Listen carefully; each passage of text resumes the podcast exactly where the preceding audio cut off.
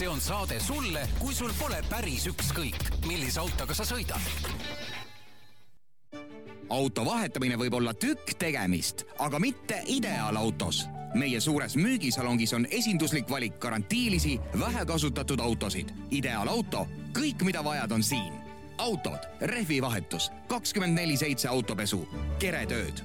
Peterburi tee nelikümmend seitse C tere kuulajad, Autotund eetris, stuudios Tarmo Tähepõld ja Margus Pipar Geeniuse autoportaalist.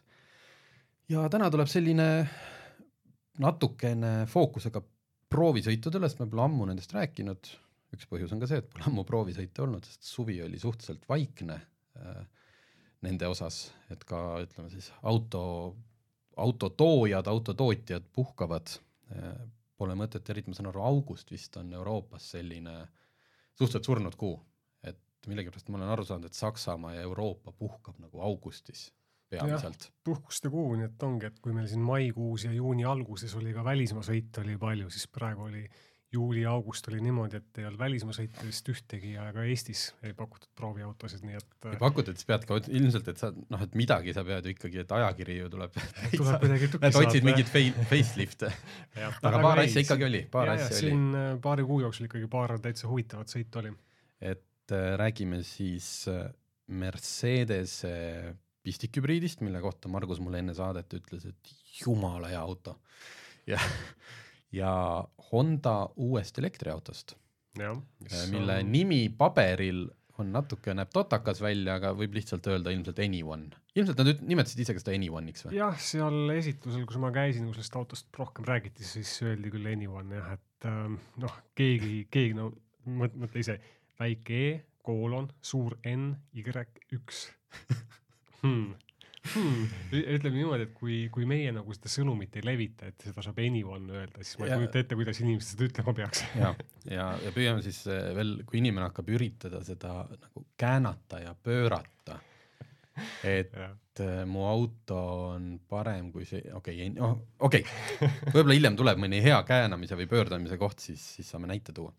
aga natukene ka igapäevasemaid asju äh,. nädala tähelepanek, nädal tähelepaneku ma teeks liiklusest. Äh, ma ei ole see suvi õnneks pidanud palju linnas sõitma.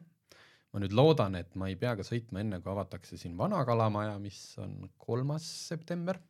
Äh, avatakse lõpuks Kalamaja liiklussõlm, mis küll olemasolevatest on noh, nagu kõige väiksemat noh, mulle tekitab, aga ütleme, suurt linnaliikluse pilti see Vana-Kalamaja remont tegelikult väga palju ei mõjuta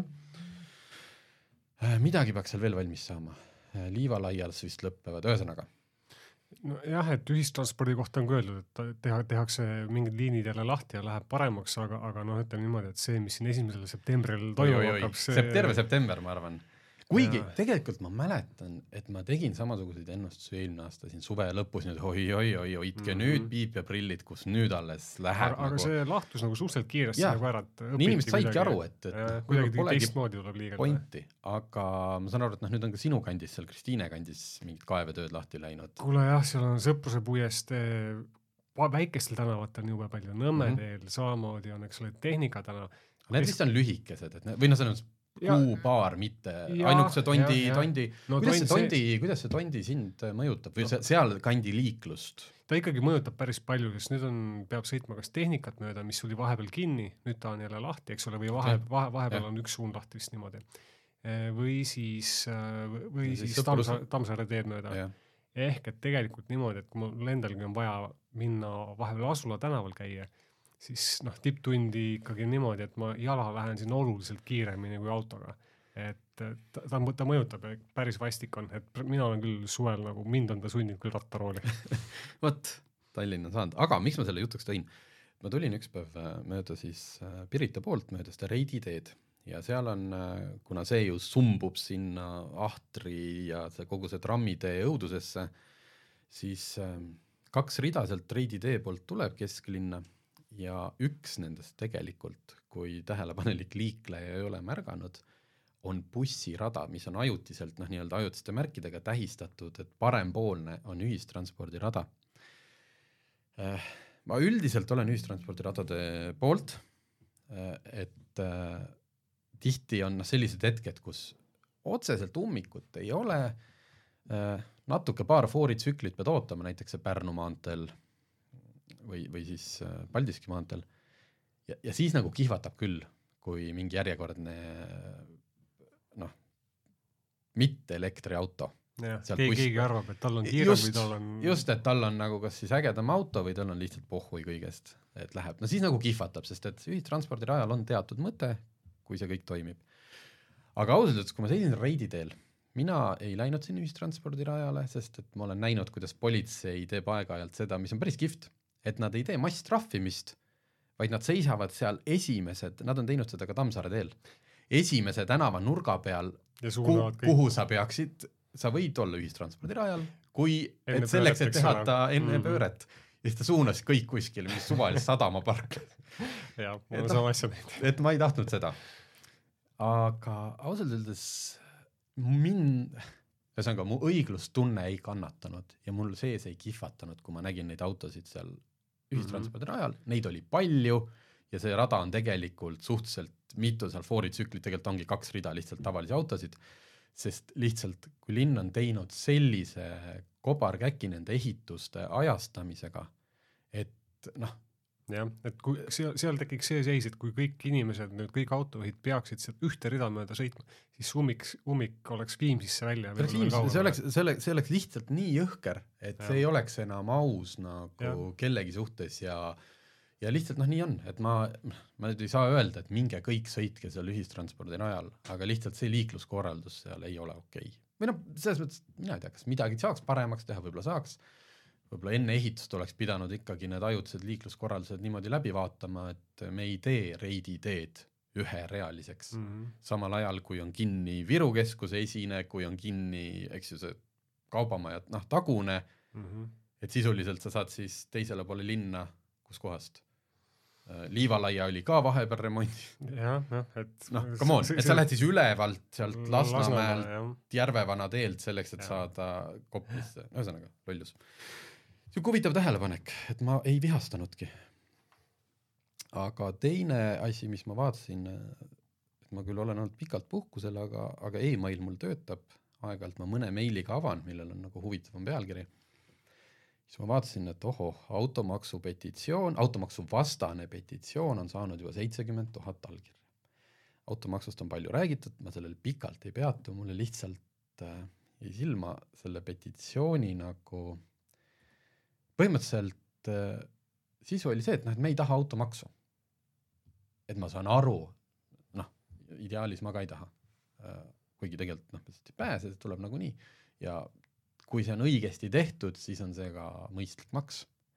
aga see, et nagu küsimus on selline, et me ei taha rohkem auto- maksta. me ei taha rohkem, ma ei taha raha ära päriselt või? nii hea küsimuse esitasite. muuseas, ma panen varsti püsti petitsiooni, et ma ei taha tulumaksu maksta. noh, ma lihtsalt ei taha tulumaksu, miks ma pean kakskümmend protsenti oma nagu sissetulekutest ära, ma ei taha. kui keegi, küsib su käest, kas sa eelistad seda maksta või sa ei eelista seda maksta, siis ma muidugi jätaks selle raha endale, eks ole. jah, et äh, nad seda vist põhjendasid ka, et miks nad nagu on sellise, just niimoodi selle sõnastanud. issand, mul oli see enne saadet lahti. noh, see on, see on tegelikult pikk nagu tekst, et äh, miks ja kõik, aga, aga nagu noh, ei automaksule.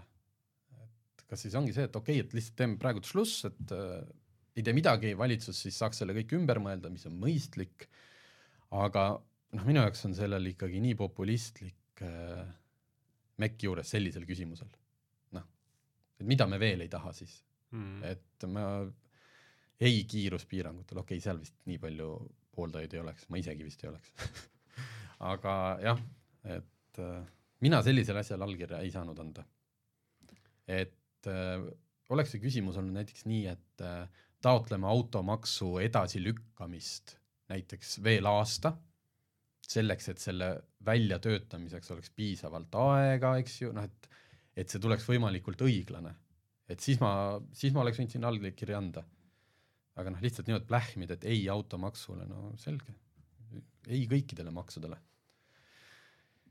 nii, aga nüüd ma annan äh, Margusele ka sõna, sest et ma otsisin välja paar uudist ja lugu millega oli tema otseselt kas tegeles või seotud, siis on tal hea rääkida ja mina saan natuke vait olla.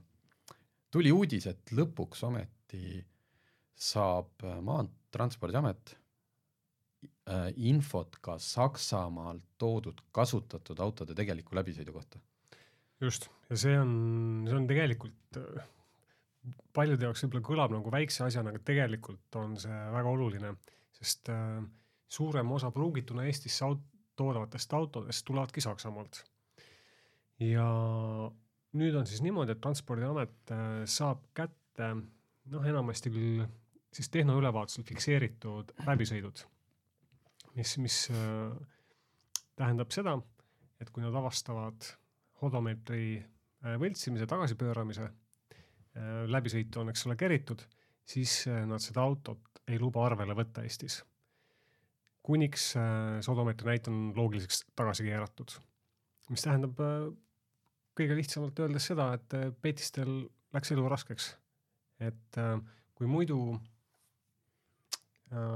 juba paari aastast sai, toimis sama süsteem paljude teiste Euroopa riikide ko autode kohta Äh, siis nüüd on sama süsteem siis ka Saksamaa autodega. miks nad seda varem ei saanud, miks, kas Saksamaal, tead sa, mis see Saksamaa põhjendus oli, sest nad on ju küll väga selline eesrindlik ja aus, ma ei tea, riik, et uh,. Vaat uh,, ma nüüd kindlalt ei oska seda öelda, aga, aga Saksamaa pikalt miskipärast tõesti põikles sellest äh, kõrvale nende andmete väljastamisest. või seal olid ikka need kasutatud autode müümise lobigrupid. no vot ei tea, või, või, või, neil... või tõlgendasid nemad mingisuguseid andmekaitseseadusi teistmoodi, eks ole. Äh, või olidki neil äkki omal mingid seadused, mis, äh, aga nüüd see asi muutus ja pa, paar kuud on, on neid Saksamaa autod läbisõite kontrollitud ja noh, Transpordiameti info on ikkagi see, et autosid jääb vahele ja jääb ka kõvasti keritud odomeetri näiduga autosid vahele, nii et äh, need, kes õigel ajal petisid oma autosid sinna arvele ei saanud, siis nüüd on nagu nende elu ikka oluliselt raskemaks tehtud. jah, selles mõttes, et see auto sulle kätte ei jää, sa lihtsalt pead selle numbri siis mm -hmm. õigeks kerima Just. ja siis lähed uuesti ostueelsele ülevaat- või registreerimise eelsele ja ja kui siis, kui müüa tahad, siis jah, ja aga siis ongi, et kui sa tood auto äri tegemiseks, eks ole, siis, siis su kasum nagu kaob, eks ole, et see, see, see äri nagu kaotab, noh, seda äri ei ole enam nojah, see on selge, et see noh, noh, sellisele petmisele üles ehitatud äri, see on noh, põhimõtteliselt kriminaalne mm.. otseselt see... kahju nendest vendadest nüüd ei olegi. ei, ei muidugi ja noh, tegelikult see business ikkagi toimis nagu siiamaani, sellest on ju räägitud mingi aastakümneid juba. ja, ja tegelikult see Saksamaalt noh, oligi, et kui, kui siin varem hakati mujalt äh, toodavaid autosid kontrollima, siis äh, petised, kes muidu tõid ta Taanist või, või Hollandist või kolisidki Saksa turule üle ja hakkasid sealt autosid tooma. no nüüd on muidugi see, et äh, okei okay,, registreerimine, ja jah, selles mõttes sul ei, noh, sul ei ole mõtet nüüd ka Eestis, tähendab, on mõtet kerida, kui sa müüd auto sellisele inimesele, kes on täielik nagu no, noh, lihtsalt jalutab, andke mulle see punane. Ja, ja, ja ei tee mingit taustauuringut, sest nii kui inimene trükib ehk siis kes veel ei tea, siis Maanteeameti lehe, Transpordiameti lehel taustakontroll, jah. on täiesti olemas üks koht äh, sõiduki ajaloo vaatamiseks, trükid sisse kas VIN koodi, juhul kui auto ei ole veel registris või, või registrinumbri, või registri, registreerimismärgi ja seal tuleb kohe välja, et millal on ta Eestisse toodud mm -hmm. ja äh, ülevaatuste ajalugu, kõik on seal olemas. jah, ja noh, selle, selle, selle uudise nagu väike miinuspool või noh, ühesõnaga see ei ole nagu täiuslik süsteem, seepärast et seda läbisõiduinfot saab kätte, saabki ainult Transpordiamet. ehk et kui te lähete näiteks ise Saksamaal autot tooma ja satute seal nagu võltsitud läbisõiduga auto otsa, tulete siia, siis, siis on teil probleem, eks ole mm. -hmm. või kui te ostate ka Eestis äh, kellegi toodud auto, mis ei ole veel Transpordiametis ette näidatud, maksate raha ära, eks ole, ja siis lähete ise seda autot arvele võtma ka siis võib teil probleem olla. okei okay,, see on jah, väga oluline info praegult, et äh, et tarbijale, et ei, et ei läheks kaasa, sest ilmselt on need tüüpidel praegult kuskil noh, paar rekatäit ikka vedelemas neid. Neid autosid, mis, millega on ja probleeme. ütled, aa ei, et teen sulle tuhat alla, et mine registreeri ise ära, et ma ei hakkagi siis, et noh, mis ja. me siin seda, kui... mitu korda maksame seda registreerimist ja ümberregistreerimist, eks ju, et. mis iganes jah, juttu nad võivad rääkida, aga, aga eriti kui sa eri, eraisiku käest, eraisiku toodud auto ostad, siis on pärast kohtutee ainult, firmaga on vast veidi lihtsam, ega. jah, ettevõttega on lihtsam. Aga see on muidugi jätkuvalt vist, eks ju, et meie jah, seda andme, et see on see mingi kinnine süsteem, mida Jah. näevad ainult ainult transpordiametid. vot see on nagu, see on nagu natuke lollakas, et miks jah, erinevalt mõnest teisest kohast, näiteks Rootsis on, eks ole, on kõik andmed on avalikud kõigile, sa lööd PIN-koodi või, või mm Mhm. -hmm. registri, kohaliku rest-, registrinumbri nagu nende süsteemi sisse avaliku beebi külje, külje peal, eks ole, ja saad selle info kätte, aga Saksamaa andmeid äh, meie kätte ei saa ise. muidu, kuidas kõik need ikkagi need äh, kakssada tuhat läbi sõitnud Volvod, mis noh, tegelikult on siis sõitnud Mhm. läbi umbes seitsesada tuhat, no siis siia on jõudnud, sest nendest on ju ka palju lugusid, kes liht-, noh, lihtsalt ongi müü-, need inimesed, kes ei trüki seda sinna Rootsi andmebaasi sisse, seda auto VIN-i või. nagu ma ei julgeks ühtegi autot osta ilma, et ma igale poole kõik, kõikidesse kohtadesse seda. VIN-i trükiks no eks see, eks see, eks see kõik läheb nagu aina avalikumaks, inimesed on paremini kursis asjaga, aga, aga aast-, veel mõne aasta eest kindlasti oligi, et näed, noh, eriti lähed koha peale vaatama, siis ongi tegelikult see pool miljonit sõitnud Rootsi takso võib ju väga, väga ilus ja korralik olla ja, ja müüja räägi-, on ka, jätab hea mulje ja räägib sulle ilusat juttu, eks ole, võib-olla on isegi paberid sul korras seal, et noh, selles mõttes korras, et sul on võltsitud hooldusraamat näiteks. et noh, kui sa ei ole ise autospetsialist, sa ei tea neid asju, sul on väga lihtne orki, orki minna. jah, siin on loos näiteid toodud, noh, Saksamaalt üheksakümmend tuhat läbisõiduga auto, pärast selgus kakssada viiskümmend tuhat. jah, ja see, see siin oli nüüd see, see juhtum, et äh, auto oli ostetud õnneks Saksamaalt äh, ühelt soliidse firma käest, kes võttis selle autoga kohe tagasi.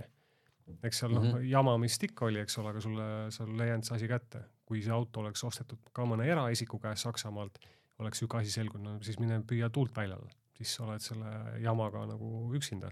mm. -hmm. nii et jah, sellised, et äh, lendan odavate piletitega Saksa ja toon endale auto, et noh, eks see on alati riskantne olnud, aga, aga see kahjuks nüüd on jätkuvalt riskantne, sest et äh, kui Saksamaal peti, ise vets-, petise otsa satud, siis, siis, siis oled hädas ikkagi, jah. vot, okei okay,, aga äh, siit äh, lähme mõnusa sujuva üleminekuga teise Marguse teemani, sest tema ostis hiljuti oksjonilt auto jah, ka välismaalt. ka välismaalt, mis on ka kindlasti omaette seiklus. mina olen ühe korra oksjonil osalenud, õnneks ei võitnud või kahjuks, ma ei tea, mul sai ikkagi kuskil, sai piir ette, tahtsin järjekordset Alfa Romeot osta, aga õnneks, õnneks ei õnne, noh, ma olen seda vist siin rääkinud ka, et see on ikkagi see mäng, et, et noh, kuidas, kuidas saadakse oksjonilt häid diile, on see, et sellel päeval, sellel hetkel seda autot keegi teine keegi teine ei tahtnud, noh. Et loomulikult, kui kuskil oksjonil on, ma ei tea, mingi, ma ei tea, ühe tõesti ühe inimese käes olnud tuhat kilomeetrit sõitnud BMW imeliselt odava hinnaga, noh siis neid ärikaid on seal nagu, nii aga kui sa tahad natukene haruldasemat Alfa Romeot või sinu puhul seda Audit, Audit, mm -hmm. noh siis on see, et kas on Kas teine pipar kuskil Jah. äh, ka, et mul on seda autot vaja. mina ei võitnud, see oli üks Rootsi oksjon, sina võitsid. mina võitsin sina kasutasid millist saiti? äh, Collecting Cars. jah, Collecting Cars ja no mis ma alguseks ütlen, see on see, et tegelikult neid oksjonisaite tasub ka sellepärast jälgida, et, et see, see, selle auto ostmine on jube lihtne. see on tõesti niimoodi, et sa paned sinna oma meiliaadressiga, registreerid ennast ära ja võid hakata pakkuma. kui sa võidad oksjoni, siis on järgmine hetk saadetakse sulle arve, maksad selle ära, auto ongi sinu oma ja minu puhul oli veel see, et äh, samal hetkel põhimõtteliselt saatis äh, oksjonifirma mulle ka pakkumise transpordiks. auto asus Rootsis ja jumala mõist-, tagantjärgi väga-väga mõistlik pakkumine. et äh, tegelikult oleks niimoodi, et kui sa nagu raha kokku hoida ei taha, siis, siis on niimoodi, et see au- auto ostmine, koju kätte nagu saamine, põhimõtteliselt nagu ostaks netist T-särke. enam-vähem jah, ja, ja olekski, mul oleks auto olnud kahe nädala pärast oleks äh, ukse ees olnud või täpselt seal maa, transpordiameti seal maja ees, eks ole. jube lihtne, väga mõnus. oled sa varem osalenud oksjonil? ei ole, ma olen, tegelikult olen, aga, aga siis ma ei ole ka võitnud, sest äh, jah, ei, ei ole tahtnud piisavalt palju, ei ole piisavalt palju pakkunud. aga välismaalt autot ostnud oled niimoodi, et sa leidsid kuskil olen. kuulutuse, võtsid omanikuga ühendust. niimoodi olen jah. okei okay., lihtsalt ma mõtlesin, et mis neid oksjonisaite, et noh, see Collecting Cars on praegult äh, teinud nagu meeletu tõusu, ta on Euroopas, noh, ma ei oska öelda, kas suurim või mis mm -hmm. ta Mhm. on, aga noh, seal taga näiteks on niisugune mees nagu Chris Harris, Inglise autoajakirjanik, kellel on seal teatud osalus, siis ta teeb neile promo, soovitan kuulata Podcasti, Collecting eks ole., ta oli alguses Collecting Cars podcast, nüüd on ta Collecting Addicts, kus on viis tüüpi sellised no, ütleme pigem üle kesk, vanemad Briti, no mis seal salata, seal on äh, ütleme heal järjel olevad tüübid, aga nad selles mõttes nad ei ole nagu noh, nad nagu ei fleksi sellega, et neil on natuke rohkem raha võib-olla kui teistel. Aga tänu sellele, et neil on, noh siis nende lood on nagu lihtsalt noh, põnedad, nad käisin kuskil, kuidas ma sõitsin Inglismaalt kuskil Francorchamps spa rajale, et sõita oma selle autoga, noh nagu mm -hmm. ei no lood on põnevad. või et ma olen praegult siin, puhkan siin Trinidad ja Tobagos ja siis mis autod siin on, et noh, mm et ühesõnaga see oli vahemärkus, collecting, nii, aga see collecting cars äh, on, kuigi ta on eks ju siuke noh, Briti mm -hmm. aga juurtega müüvad- müüvad üle maailma. üle, üle maailma ja üle Euroopa, Euroopas leiad Soome, Rootsi, Norra, Saksa igasuguseid autosid ja leiad ma olen siin äh, tegelikult leidnud sealt ka Eesti autosid mõnikord mm., Eestis, Eestis müüdavaid, vaatad, et oo kuule, aga seda mm. -hmm. see on ju asukoht Estonia. Jah. nii et kes plaanib ka müüa, et siis äh, ilmselt julgeb soovitada. okei okay,, aga kuidas sa auto leidsid ja miks sa no, selle auto ostsid? sõ- sõber saatis mulle lingi, kuna ja autoks oli Audi V8 siis äh, antud juhul üheksakümnest, üheksakümne teisest aastast. paar korda varem olen üritanud sellist autot osta, aga ma ei teagi, olen põnnama löönud Eestis, Eestis olid täitsa toredad autod vahel, mida ma vaatamas käisin. aga selle, miks ma selle auto nagu, miks see mind käima tõmbas, oli see, et äh, ta on nelja koma kahe liitrise ehk suurema mootoriga ja käsikäigukastiga mis on jube haruldane. Kui mul see auto oli juba käes, siis ma kirjutasin Audi pressiosakonda, küsisin, kui palju neid autosid on tehtud. saadeti mulle kogu V8 nagu tootmisarvud liigiti, tüübiti ja seda neli koma kaks V8-t on tehtud nelisada seitsekümmend viis autot. nii et Euroopas neid tulebki või noh, üks äärmisel juhul kaks tükki aastas müügile. kellega see V8 omal ajal, S-klassiga seitsmenda seeriaga. okei okay., ta tehti küll Audi saja põhjal, aga noh, seal sarnasus, sarnast on tegelikult nagu vähe, et et seda vist toodeti selles mõttes ta noh, üldse ju võr vähe võrreldes. Jah, veidi üle 20 000, oluline müügihitt ei olnud omal ajal, Ta oli jah, hind oli ta oli jube, jube kallis oli ja ta ikkagi sarnanes visuaalselt väga nagu tavalisele Audi sajale, eks ole. aga no kujuta ette, et läheks praegult, noh praegu ei saagi, aga kui läheks, tahaks seda manuaalkastiga S-klassi omale. kas S-klassi selle aja S-i või BM vist sai küll manuaaliga. seda E kolmkümmend kaks BMW-d kindlasti, seitsmendat sai kindlasti aga manuaaliga. järgmist vist, 38-t. järgmist, järgmist enam ei saanud jah. okei okay., et ühesõnaga nagu noh, keegi on kunagi läinud poodi või siis tähendab nelisada seitsekümmend inimest, jah, öelnud, et ma tahaks seda luksusautot, aga ma tahaks seda manuaalkastiga. no eks Audi reklaamiski seda kui sportsedaani, eks ole. kusjuures noh, see on eraldi lugu, et kas ta siis on sportsedaan, et see on no väga huvitav auto on. nii, no aga ei, aga kui, kui sa selle praegu teemaks tõid, pärast räägime sellest edasi, et kuidas Jah. see oksjoni ja kogu see no esimene asi on see, et äh, sellel Audil on üks esimesi servotronic roole Euroopas ehk et muutuva võimendusega ja see rool on ülikerge. et no natuke nagu Ameerika auto, et noh, sportautolt, sportsedaanilt seda ei ootaks. aga noh, muidugi see mootor, see on nagu äge, et ta teeb ikka noh, mul on ka Lexus LS, eks ole, mis on ka V8 sarnase võimsusega, see sõidab niimoodi, et sa mootorit ei kuulegi. ja no super sujuv, aga selle, selle koha pealt on V8 tõesti sportsedaan, et temaga ta on suhteliselt lärmakas, just see mootor, jube ägeda häälega mootor ja temaga on tegelikult üsna raske hakkama saada. et see V8 mootor, käsikäigukast, sidur, need kõik nagu väga sujuvalt ei toimi kokku, et selle autoga peab natuke tööd tegema, et temaga sõita. kas ta tahab pigem äh, pöördeid kõrgeid või on ta ka nagu madalalt? ta on madalalt mõnus, aga siiski ta hakkab ikkagi kõrge pöörde pealt nagu päris hästi käima. Et noh, ja tänases mõistes kuus koma, mis ta, kaheksa sekundit sajani ei ole nagu midagi väga erilist, eks ole, aga, aga pane see hääl sinna juurde, see ja see, kuidas see auto nagu toimib, et see ikkagi on väga-väga tore. no see, see ei ole selle auto puhul üldse oluline, aga kas, mis, mis umbes kütusekulu sellisel autol? no ma tulin Rootsist Rootsist tulin tead, sihuke väga pehme jalaga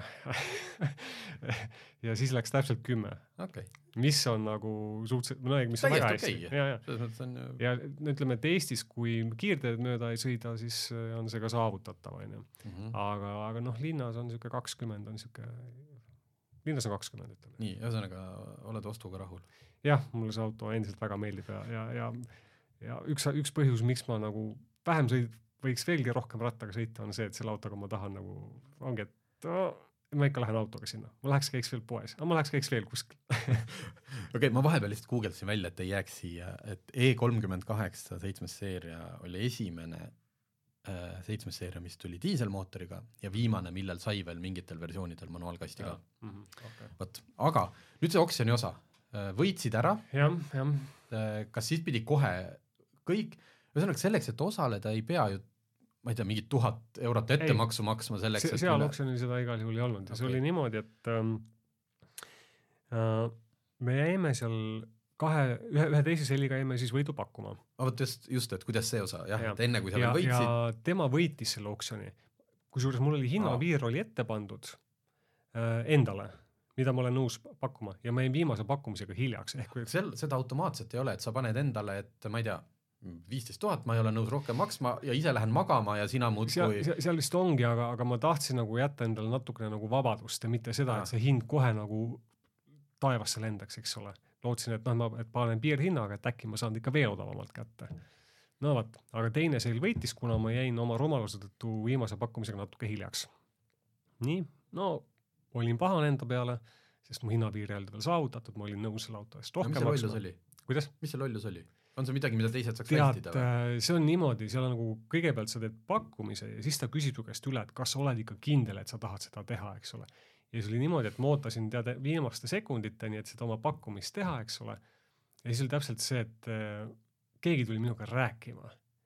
nii, ja siis ma teen oot-oot-oot, ma pean nüüd pakkuma, tegin pakkumise ära ja siis tuli see järgmine aken tuli veel ette, et kuule, aga nüüd oled sa kindel? ja siis, kui ma jõudsin sinna vajutada, siis oli noh, sekund hilja, hiljem. okei, nii, ühesõnaga olin enda peale pahane, jäin autost ilma ja siis poole tunni pärast äh, tuli postkasti kiri, et äh, tere, Margus, tegid pakkumise. meie piirhind oli nüüd viissada eurot kõrgemal, kui sina pakkusid. et äh, kas oleksid nõus seda maksma? Tegin arvutused, see oli, päris seda ma ei olnud nõus maksma. pakkusin sinna enam-vähem keskele ja siis järgmisel hetkel tuli kiri vastu, et palju õnne, ostsid omale Audi. aga kas see, see, kes võitis, tema siis ei olnud järelikult nõus tema, tema järelikult ei olnud üldse nõus juurde maksma, jah. aa, nii et sa oleks põhimõtteliselt võib-olla oma järgmise pakkumisega võitnud nagunii jälle ära. just, just, nii et äh, selles mõttes läks kõik hästi. okei nii, no siis oli muidugi see, et äh, sain omaniku kontakti, teoorias on Rootsis, auto asus Rootsis, on auto toomine, võiks olla väga lihtne, teed lihtkirjaliku ostu-müügilepingu, sõidad autole järgi, tood tagasi. noh, see ei sobinud omanikule, see ei sobinud äh, sellega ei meeldinud ka oksjonifirmale. põhjus on lihtsalt see, et äh, sa sõidad, noh, auto ei ole veel tegelikult nagu sinu nimel, eks ole. kõige korrektsem viis on see, et sa tellid omale registri need äh, transiitnumbrid. No et Rootsi transiitnumbrid. Rootsi transiitnumbrid, jah. võetakse seal juba on arvelt maha, et see Jah, on nagu sinu nii, just. no ühesõnaga, see oli lõpuks oli nagu päris kõva tegemine, et äh, neile oleks muidugi meeldinud see, et ikkagi ma võtaksin selle transpordifirma, kes tooks mulle reilaga, aga no ma tahtsin ka seiklust, ma tahtsin ise autole lennukiga järgi minna, selle, sellega Eestisse sõita. ja no lõpuks oli see, seda asjaajamist oli nagu päris palju, et see süsteem endale selgeks teha, kuidas see transiitnumbritega asi käib, kindlustustega, siis laevapiletid, eks ole, õigeks päevaks sinna leida kuidas see ajaliselt kõik kokku jookseb, siis tegelikult on seal ka piiratud ajavahemik, kus sa saad seda ainult teha. nii et äh, sellest on ajakirjas pikemalt juttu, kuidas see süsteem on, aga, aga lihtne see ei ole.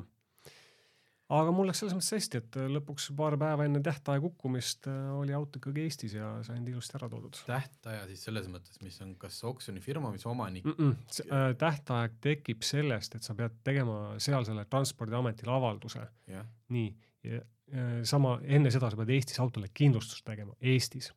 nii, ja siis on sul äh, kuu aega aega selle avalduse tegemisest, et äh, transiitnumbritega autoga Eestisse tagasi sõita. aga need transiitnumbrid, Rootsis ei ole füüsilist äh, Transpordiameti kontorit. pärast avalduse tegemist peab vanaomanik saatma re, vanad registrinumbrid äh, postiga, siis menetletakse asja, saadetakse temale transiitnumbrid postiga koju et äh, ja noh, avaldused ja telefonikõned ja emailid ja, ja kuidas see süsteem kõik käis, et. äh, aga kas see, see omanik seal oli selles mõttes muidu nagu noh, asjalik, ei olnud mingi vana papi, kes ei saa üldse ta- asjadest aru, vaid ta ikkagi vana- aitas kaasa. ja ta oli vana papi, ta algu, alguses tõrkus, ta alguses tõrkus äh, selle keerulise asjaajamisega kaasa minemast, aga, aga lõpuks jäi nõusse ja siis, kui nõusse jäi, siis oli juba täitsa okei okay,, et siis, siis tegeles küll. Kas ta oli autoinimene, selles mõttes, oli, saite nagu jutule ta oli lahe autoinimene. äkki, äkki ta sai aru lihtsalt, et vaat sa oled ka, et sa ei ole mingi ärikas, et sa noh, lihtsalt tule, et kuulge, laadige peale, et mul siin kümme autot veel tulemas, vaid ja, ja, ja, ja nii oligi, et siis, kui ma näitasin talle oma autodest pilte ja, ja rääkisime, siis, siis leebus ja siis tegi mulle tunniajase koolituse oma auto kohta, et sõitsime kuhugile randa veel eraldi, et ei, lähme sinna ilusasse kohta, siis ma räägin sulle autost natuke juba selline ahah, lähme ilusasse kohta, võtame piknikukorvigi kaasa ja jah, aga noh, tüübil oli veel oli, tal oli sama aja Audi S2, sama aja Audi S4, mitu BMW-d ja ütles, et noh ka, et lihtsalt, et äh, ei jõua kõikide autodega sõita ja tegeleda, tuleb otsast hakata ära müüma. see välismaalt auto ostmine tundub nii noh, ühtepidi nagu seiklus, täpselt nagu siuke romant-, noh nagu mm. -hmm. ja siis ma otsisin selle välja, ükskõik kas on Rootsist või nii, aga soovitan teil näiteks minna lugeda sada autot, sada siis numbritega punkt ee, kus Anti Soo, kes käis siin ka hiljuti saates, ma ei tea, kas ta saates mind ei olnud, sellest rääkis, kuidas ta käis Itaalias ostmas äh, tohutult haruldast ja erilist äh, autod autot, minge lugege, mis auto see oli, aga äh, noh, põhimõtteliselt võimatu mm. -hmm. tänu sellele, mitte tänu, vaid. Itaalia bürokraatia tõttu Mm -hmm. ja sellest on autogeeniuses kirjutanud ka Peeter Paaver väga toreda loo, et guugeldage, noh, ma ei tea, Peeter Paaver Itaalia autogeenius, saate mm -hmm. selle Mhm. loo kätte ja et jah, sellega võrreldes on Rootsi on puhas lapsemäng, et jaa, et see on ikka täiesti sür, kuidas noh, lihtsalt nagu, et isegi kui sa keelebarjäärist läbi murrad, et seal Anti Sool oli lõpuks üks äh, töökaaslane, kes on itaallane, siis tõlkis, et, et ei jäänudki asi enam selle Google tõlke taha, vaid lihtsalt noh, nagu, et see bürokraatia masin seal, ei, me ei saa müüa kellelegi, noh, ka natuke seesama, see transiitnumbrit mm, -hmm. et Mhm. nad kardavad, et sa hakkad sõitma ja siis tuleb ikkagi mingi kuuesaja eurone arvelt mahavõtmine teha. ühesõnaga, et see tegelikult ei olegi nii lihtne. jah. ühe üt- asja ma ütleks veel Rootsi nagu transpordiameti kiituseks. et seal kõik see värk oli täiesti tasuta. Auto arvelt mahavõtmine, eks ole, transiitnumbrite saatmine, ühtegi eurot ma ei pidanud Transpordiametile selle eest maksma. okei okay., aga see eelmine omanik pidi või? mitte, mitte midagi, Vau, see on äge. just käis Itaalias kuussada eurot selleks, et mm. -hmm. umbes No kõik si-, kõik üldse kuskilt minema hakkaks jah, no ja siin samamoodi iga liigutusest pead maksma, eks ole, aga seal oli jah see, et äh, need transiitnumbrid ja nende saatmine ja, ja kõik see muu asjaajamine oli täiesti tasuta. Eesti registrist said lihtsalt. jaa, siin läks suhteliselt lihtsalt, väike, väike nü- nüanss oli, oli see, et äh, millega ma ei olnud no tõesti kursis ja endalgi piinlik, sellepärast et äh, see auto mm, ülevaatamine siis enne registreerimist. igaks juhuks helistasin nagu enne kohale sõitmist, et kuidas nagu kõige õigem käituda oleks ja öeldi mulle, et jaa, et pange omale, ei, ei, mis kohaletulekut, ei, ei, ei, ei, lähete meie veebi, broneerite omale aja. Mhm. no aeg oli muidugi kümne päeva pärast äh, nii Tallinnas kui Sauel. No aga kui öeldi, et nii on, noh, mis siis ikka. ja siis kohale minnes, siis muidugi selgus, et seal oli ka, inimesed olid nagu elavas järjekorras ja Aa. said ikkagi seal paari tunniga oma asjad Mhm. tehtud. et äh, noh, see oli muidugi minu rumalus, seda oleks pidanud teadma, et, et äh, noh, seda oleks võinud ka mulle öelda, et elava järjekorra võimalus on ka, aga, aga jah, aga muidu läks lihtsalt jah. okei okay,, aga räägime siis nüüd äh, uutest autodest. võtame esimesena selle siis Mercedese, mille kohta sa ütlesid, et jumala hea auto. Mis Mercedes see oli siis? see oli nüüd uus äh, GLC kupee, mida müüakse nii tavahübriidina kui ka pistikhübriidina ja mina sõitsin pistikhübriidiga. kas see Mersu lubatud hästi suur elektriline range vist üle saja mm. -hmm. äkki või? on see tehtav? tead, see on, sellega on, ma ütlen kohe ära, et see on tehtav ja see range on, lubatakse siin ligi sada kolmkümmend kilomeetrit, mis on pistikhübriidi kohta jube kõva tulemus. on. ja reaalsus ongi see, et ta sõidabki. Ma sõitsin kaks korda, laadisin aku täis, ei, üks kord oli pool ja teine kord laadisin täis ja sõitsin. ja täiesti nii ongi, sada kakskümmend kilomeetrit ei ole, ei, ei ole probleem. ilmselt jah, kui sa mööda kiirteed sõidaksid, eks ole, siis, aga niimoodi tavalise sõiduga nii linnas kui maanteel, jumala tehtav, et äh, see oli üllatus. no see põhimõtteliselt äh, noh, kogu selles vaidluses, et mis on siis nüüd autonduse lähitulevik mm -hmm. ja mhm. kes on siis täielikult tiim elektriauto ja kes ütleb, et see elektriauto on jama ja, ja siis vahepeal on need inimesed, kes ütlevad, et hübriid ja, ja seesama, et kui sul ikkagi kõik oma igapäevased toimetused, noh mm -hmm., issand, sa ei pea isegi iga päev sellist laadima, vaid siin linnas, et sa ei tiksu siin linnas oma ja. suure mersuga, äh, nüüd on tehtav. kas see hinna, ma mäletan eelmise eelmise põlvkonna puhul, võib-olla see oli mingi mudeli noh, põlvkonna lõpuhinnad, et, et see GLC sattus sellesse hinnaklassi, noh mm -hmm. ma olen seda varem siin rääkinud, et näiteks pistikhübriid Škoda Superb või noh, mingi selline auto on võrreldes siis kas benso mm -hmm. või diislikaga noh, kohutavalt palju kallim, vähemalt kolmandiku võrra oli. aga kuskil seal seitsme-kaheksakümne tuhandeste autode juures on see pistikhübriidi ja tavalise noh, hinnavahe ütleme mingi, ma ei tea, kümme kuni kaheksa tuhat eurot, mis on juba nii vähe, et see noh, auto hinna nagu ka võrreldes, et äh, täitsa tasub osta. ja mingi hetk, äh, jõudsin nüüd pointini ka, oli pistikhübriid ja tavaline auto peaaegu võrdse hinnaga mm., enam see vist nii ei ole. kuule jah, see noh, see on selle auto miinus, eks ole, mida sa tegelikult Mercedese puhul kootad, et eks ta on üsna kallis et siin äh, tavahübriidi hind hakkab kuuekümne kolmest tuhandest, eks ole, aga kui sa tahad pistikhübriidi, siis see on äh, no peaaegu viisteist tuhat eurot kallim. okei okay.. aga noh, jah, et äh, ma ütlen, seda ma ütlen küll, et elektriauto ja selle tavaauto maailma ta ühendab ikka super hästi. et, et ähm, jah, ja siis, kui ütleme, elekter saab otsa, eks ole, siis ta sõidab edasi tavalise hübriidina, eks ole ta näitab küll, et aku on null, aga ta ikkagi aeg-ajalt lülitab elektri peale mm ja, ja aitab.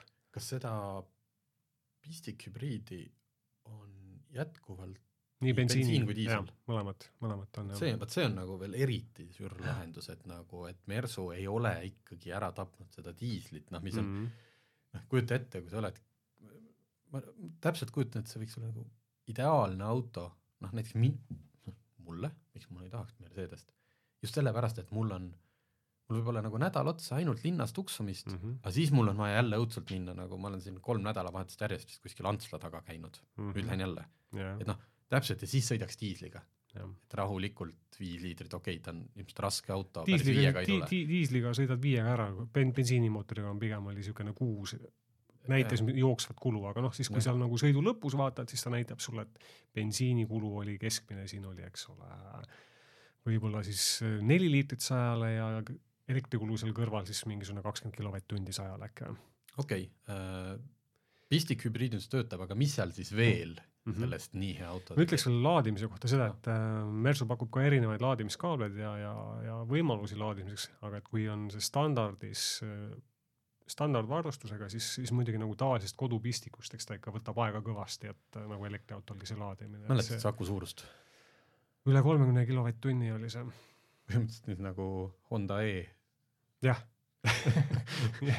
Honda E ja mis need siin olid, need väiksed, Mini mm. ja Mazda, Mazda äh, MX kolmkümmend. nii, aga mis veel head oli, oli um, noh, disain on maitse asi, eks ole, eks kupeed džiip on populaarne asi, eks ole, eks ta näeb, näeb ei meeldi, aga ma siin olen terve suvi saanud selle üle mõtiskleda, et kui, kui ma sügisel tagasi tulen ja hakkan, et noh, kas nagu autode disainil, ma võin nagu enda hinnangu anda, aga see noh, varsti hakkab endal juba ka tüütuks muutuma, et noh, kupeedžiibid on koledad, noh, keegi vaatab, et on ilus, et kus no okay. täpselt, nii ongi. aga noh, et vaatamata sellele langevale katusele, siis taga on nii jala kui pearuumi on palju, küll pakiruum on väike, nii et selle koha pealt äh, mina eelistaksin kindlasti tavalist GLC-d, mis on natukene odavam, millel on äh, suurem pakiruum okei okay., ja samas see pistikhübriidus kõik on ju ja, kõik sama? kõik on sama, aga lihtsalt on praktilisem ja odavam auto.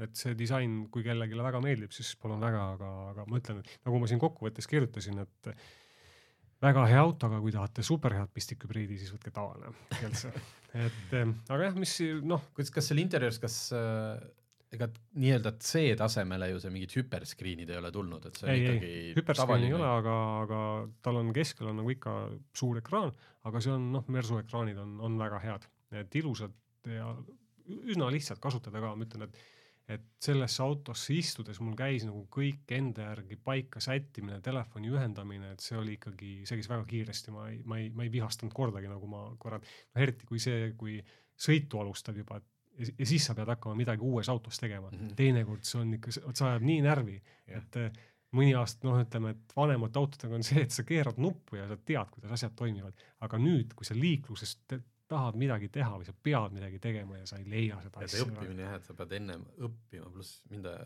häirivad autod, millel ei saa sõidu ajal mingeid lihtsaid toiminguid teha, noh nagu näiteks Bluetoothi, et noh, ma ei ühendanud kohe nagu mm, Mhm. -hmm. ei sidunud oma telefoni sellega ära Jah. ja Või- siis äh, liikluses ta mul seda enam teha ei luba. või, või selline lihtne asi, et eh, palavaga võtad auto, eks ole, ja ta puhub sulle jääkülma õhku näkku. ja seda tahaks ära saada nüüd, eks ole. ja kui see võtab mitu liigutust, täitsa lõpp, noh. Okei aga äh, jah, ilusad ekraanid, suhteliselt okei okay, varustus on ka juba baastasemel, aga noh, ma ütlen Mercedesel sa võid sinna veel kahekümne tuhande eest igavesti No, no, toredaid asju juurde panna. et pööravad tagarattad, eks ole, näiteks. kas sellest äh, seda nii-öelda hü- hüper-super versioone ka juba ei, pakutakse veel ei pakuta, veel ei Okei. pakuta. Äh, korraks lihtsalt selle tagaistme osas, et, äh, et seal on nagu noh, sina oled pikk Mhm. inimene mm, -hmm. hea proovida, et noh, kui inimene nüüd kaalub siin kas GLC või äkki GLE, noh, kas ta on nagu piisavalt ruumi või tegelikult on selline, et noh, come on, et mitut sumamaadlejat sa ikka vead, et ei, seal, seal on kahel on nagu väga okeilt ruumi, ka kahele pikal on väga okeilt ruumi. mis, mis miinus on see, et selle kupee džiibi tagaaknad on nagu kitsad mm -hmm. ja, ja tagaluugi aken, see on nagu eriti väike. ehk et seal, kui sa võtad veel musta laega auto, eks ole, ja toonklaasid, siis sa istud ikkagi natukene koopas. et ruumi on, aga sul on niisugune nagu Mhm. pime on seal, isegi kui päike, ilus päikseline ilm on, siis on ikka seal autos on pime ja niisugune natuke ahistav, et mul, mulle nagu see ei meeldi. okei okay,, aga kui sul endal midagi lisada ei ole, lähme siis äh,, lähme siis Jaapanisse äh, Mhm. Honda Anyone, kui ma siin ennem äh, Mersu juures mainisime, et Honda E-l oli selline vist kolmkümmend pluss midagi kilovatt-tunnine aku. maksimaalne sõiduulatus circa kakssada kilomeetrit, kakssada, mitte rohkem, talvel isegi mul siin sõbral on, on sihuke sajane. Mm -hmm. siis nüüd on Hondal äh, täiesti uus elektriauto. võtame kohe siis, palju sõiduulatust on? Äh, veidikene üle neljasaja kilomeetri lubatakse maksimaalselt. okei okay., et no Honda nagu läheneb asjale noh, põhimõtteliselt ikka, eks ole, aku on põhjas, eks ole, tänu sellele on suhteliselt stabiilne sõit, pikk teljevahe, nii et et, et mõnes mõttes on ta niisugune üsna tüüpiline elektriauto. selles mõttes jah, et jällegi ma segan kogu aeg vahele, aga No, mulle meeldib alati see, kui kõik, kõik auto, kui tuleb uus elektriauto, siis tuuakse välja, et et eriti madal raskuskese, sest et aku on asetatud põh-, nagu kus, kuhu veel? Ootaks elektriautot, kus on need, leidsime aru ja kohe, et laes on tegelikult õudselt. Pool tonni et akusid see ei ole ammu enam feature, see ongi elektriauto Jaa. olemus, et aut-, akud on auto põhjas. Aga teise koha pealt, mis on nagu teistmoodi, on see, et äh, Honda laadimine on, maksimaalne laadimisvõimsus on suhteliselt, suhteliselt väike ja ka aku see kasutatav mahutus on võib-olla natukene protsentuaalselt väiksem kui teistel. et see maksimaalne laadivis, laadimisvõimsus on ainult seitsekümmend kaheksa kilovatti, okei okay.. et noh, siin sada viiskümmend ja sada koreakad viiskümmend on kuidagi stand-, jah, et jah, võiks või selle lähedal on ju, jah, ja koreakatel on üle kahesaja, eks ole. aga noh, reaalsus on see, et mis äh, graafikuid meile seal näidati ja hästi maha müüdi, on see, et ähm, et nii suurt laadimisvõimsust saavutavad ka teised nagu lühiajaliselt. et äh, et jah, korraks läheb üles ja siis ta tuleb samale tasemele kui Sonda, eks ole. et, et äh, noh, tegelikult ta on okei okay., vaata kui meie käime ka laadimas siin, ega me tihti ei- sa ei ei- näe seda ei isegi näe. korraks ideaaltingimusteski, sa ei näe seda piiki, mida peaks nagu saavutama. ja noh, kõige nii, kõige selle nagu põhjenduseks ütleb siis Honda, et nad tahavad, et need akud kestaksid võimalikult kaua ja võimal-, üldse võimalikult väheste probleemidega, et laadimisvõimsust piiratakse ja ka seda kasutatavat mahutavust, mahutavust. et äh, sa kasutad seda autot nagu akut alati nagu mõistlikult, et ta ei, ta ei luba sul nagu see vist natuke nagu see Toyota BZ4X, mis noh, sai siin, kui ta välja tuli, päris palju ja Subaru mm -hmm. Solterra päris palju norrakatelt, noh et nagu, et äh, täiesti olematu range'iga või sõiduulatusega, aga tegelikult noh, seal ka siis Toyota vist tegi mingit tarkvara update'i, et avas natuke rohkem seda akut mm. -hmm. Mm -hmm. et äh, ilmselt siuke Jaapani konservatism, et äh, nad äh, pigem jällegi, et rõhume sellele et auto töötaks, eks vastupidavusele jah, ja ei, ei esine siin mingite kahesaja kilovatt-tunniste laadimi-, kilovatiste laadimisvõimsustega. Aga muus osas, mis mõõtu see auto on? eks ta on Honda HR-V mõõtu.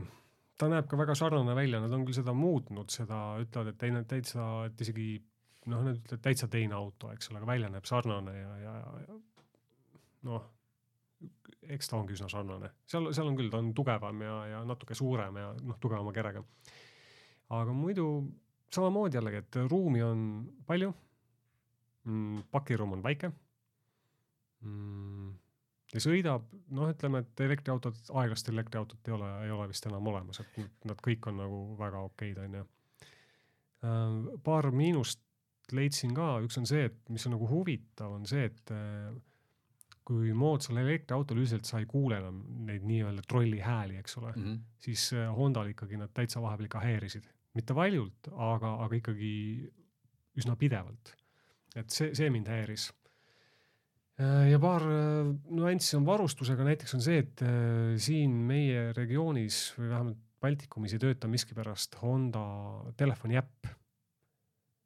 mis nagu ongi see ainult Androidi auto või, või mis? ei, see selles mõttes, et sa ei saa näiteks kontroll-, pane, no ühesõnaga see äpp ei ühendu sul autoga ära. aa, see telefoni, jaa, et sa saaksid eemalt vaadata. eemalt ta- paned la... auto laadima, et kas Ja, ta ja. sul, kas ta sul üldse laeb, kas ta on laadimine katkenud, eks ole, kui palju või- sul juurde tulnud, eks ole, või paned äh, uksi kütte- lahti. uksi lahti, küttesüsteemi tööle, jahutuse see on tööle ka mingi, see on probleem, mis on kestnud aastaid, mm. -hmm. et äh, täiesti sürreaalne, kuidas lihtsalt tegelikult võiks ju panna SIM-kaardi sisse, töötab, noh Mhm. nagu ja ei tööta mingitel firmadel. et äh, noh, elektriauto puhul see võiks olla üsna elementaarne asi, et see, see on nagu ilma, ilma selleta on ikka üsna nõme. et aga noh, nad loodavad, et küll ühel hetkel saab, aga, aga praegu ei saa. naljakas, et, et noh, mille taha see siis jääb, kas see jääb siis, eks ju, autotootja tarkvara taha või on lihtsalt mingid lepingud vaja saada kohalike telkodega, et tea, sest äh, mingites no igatahes osades regioonides seda pakutakse, küllap ta seal siis ka toimib, aga meil kahjuks mitte. öö, hind äh, ei öeldud. ei öeldud Ei öeldud. viimasel, ütleme isegi enne puhkust, minu arust kõik autod, millega me sõitmas käisime, oli selline, et mm. -hmm. jaa, noh, juba on valmis auto, et mitte ei ole mingi prototüüp. On ongi Renault Espace, ma mäletan, ja siis, aga ei, hinnad selguvad sügisel jah, et äh, no eks nad ennustavad, ta tuleb sinna Škoda Enyaqi ja, ja sellesama Toyota äh, lähedale. viiskümmend pluss. eeldatavalt jah, et ähm, noh, saame näha, siin noh, küsimus ongi vist selles, ma saan aru, et käivad läbi, läbirääkimised, et äh, siin tahetakse odavamalt müüa, tootja tahab rohkem saada et, et küll ta selgub, aga noh, vaevalt, et ta nüüd odav tuleb, ükski Honda ei ole ju tegelikult odav, et Mm -hmm. Et ta jah, ei ole seal soodsa klassi auto peal jah, ja sügisel on ju tulemas ka uus ID3 ID3, ma tegelikult tahtsin öelda uus Honda CRV. ja müügi, kusjuures müügihittidest, ja, et ja äh, see saab väga oluline uudis olema. et Honda väga ei pea muretsema, et isegi kui võib-olla seda Anyone'i kohe Jah. nagu jalust ei joosta, siis neil on nagu No on- korralik trump, trump Jah. äss on tagataskus.